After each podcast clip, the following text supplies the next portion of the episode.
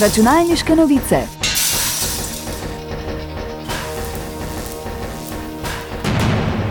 Prisluhnite novostim in zanimivostim z področja računalništva.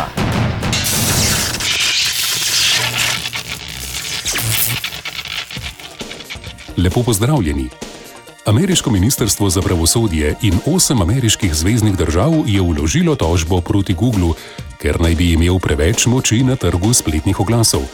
Njihovi protikonkurenčni ukrepi naj bi oslabili, če ne celo uničili konkurenco v industriji oglasne tehnologije, je dejal ameriški državni tožilec Merrick Garland.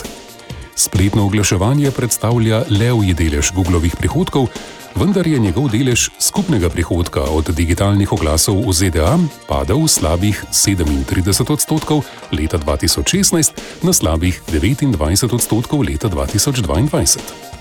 Pomočnik generalnega državnega toživca Jonathan Kenter trdi, da so Googlova pretekle dejanja vplivala na izrinjanje tekmecev, zmanjšanje konkurence, napihovanje stroškov oglaševanja, oviranje inovacij in zmanjšanje prihodkov spletnih strani. Računalniške novice. Microsoftova prodaja se je močno upočasnila, saj so stranke, ki se soočajo z gospodarskimi težavami, zmanjšale proračune za nakup tehnologije. Podjetje je sporočilo, da se je prodaja v treh mesecih do decembra povečala le za 2 odstotka, kar je najmanjše četrtletno povečanje v več kot šestih letih. Finančno poročilo je bilo izdano le nekaj dni potem, ko je Microsoft sporočil, da bo ukinil 10 tisoč delovnih mest. Iz Microsofta so sporočili tudi, da je prihodek povezan s sistemom videoiger Xbox padel za 12 odstotkov, medtem ko je prihodek od izdelkov Windows padel za 39 odstotkov. Računalniške novice. V Amsterdamu so zaključili monumentalen podvodni projekt, s katerim so izkoristili ogromno neizkoriščenega prostora pod zemljo. Gre pravzaprav za garažo, ki so jo zgradili pod rečno strugo, namenjena pa bo izključno kolesom. V njej je dovolj prostora za 6300 osebnih koles in 700 koles za souporabo, ki olajšajo potovanje z javnim potniškim prometom. V prihodnosti naj bi se zmogljivost tovrstnih objektov povečala na 11 tisoč koles, saj naj bi kmalo odprli še drugo podobno garažo. Parkiranje je prvih 24 ur brezplačno, za vsak naslednji dan pa skromnih 1,35 evra. Za dokončanje projekta so potrebovali 4 leta in 60 milijonov evrov.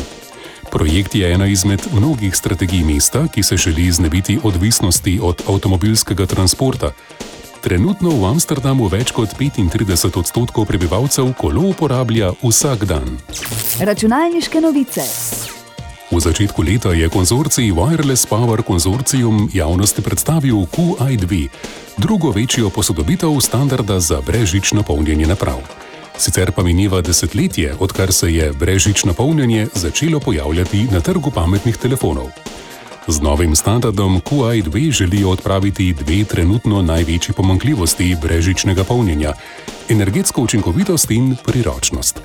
Standard bo sprva predstavljen z obstoječo omejitvijo 15 W, a v konzorciju obljubljajo, da bo boljša povezava QI2 s časoma omogočila hitrejše brežično polnjenje. Računalniške novice. Hvala za vašo pozornost in lepo zdrav do prihodnič. Novosti in zanimivosti je za vas pripravilo uredništvo revije Računalniške novice. Prisluhnete nam lahko ponovno naslednji teden ob istem času.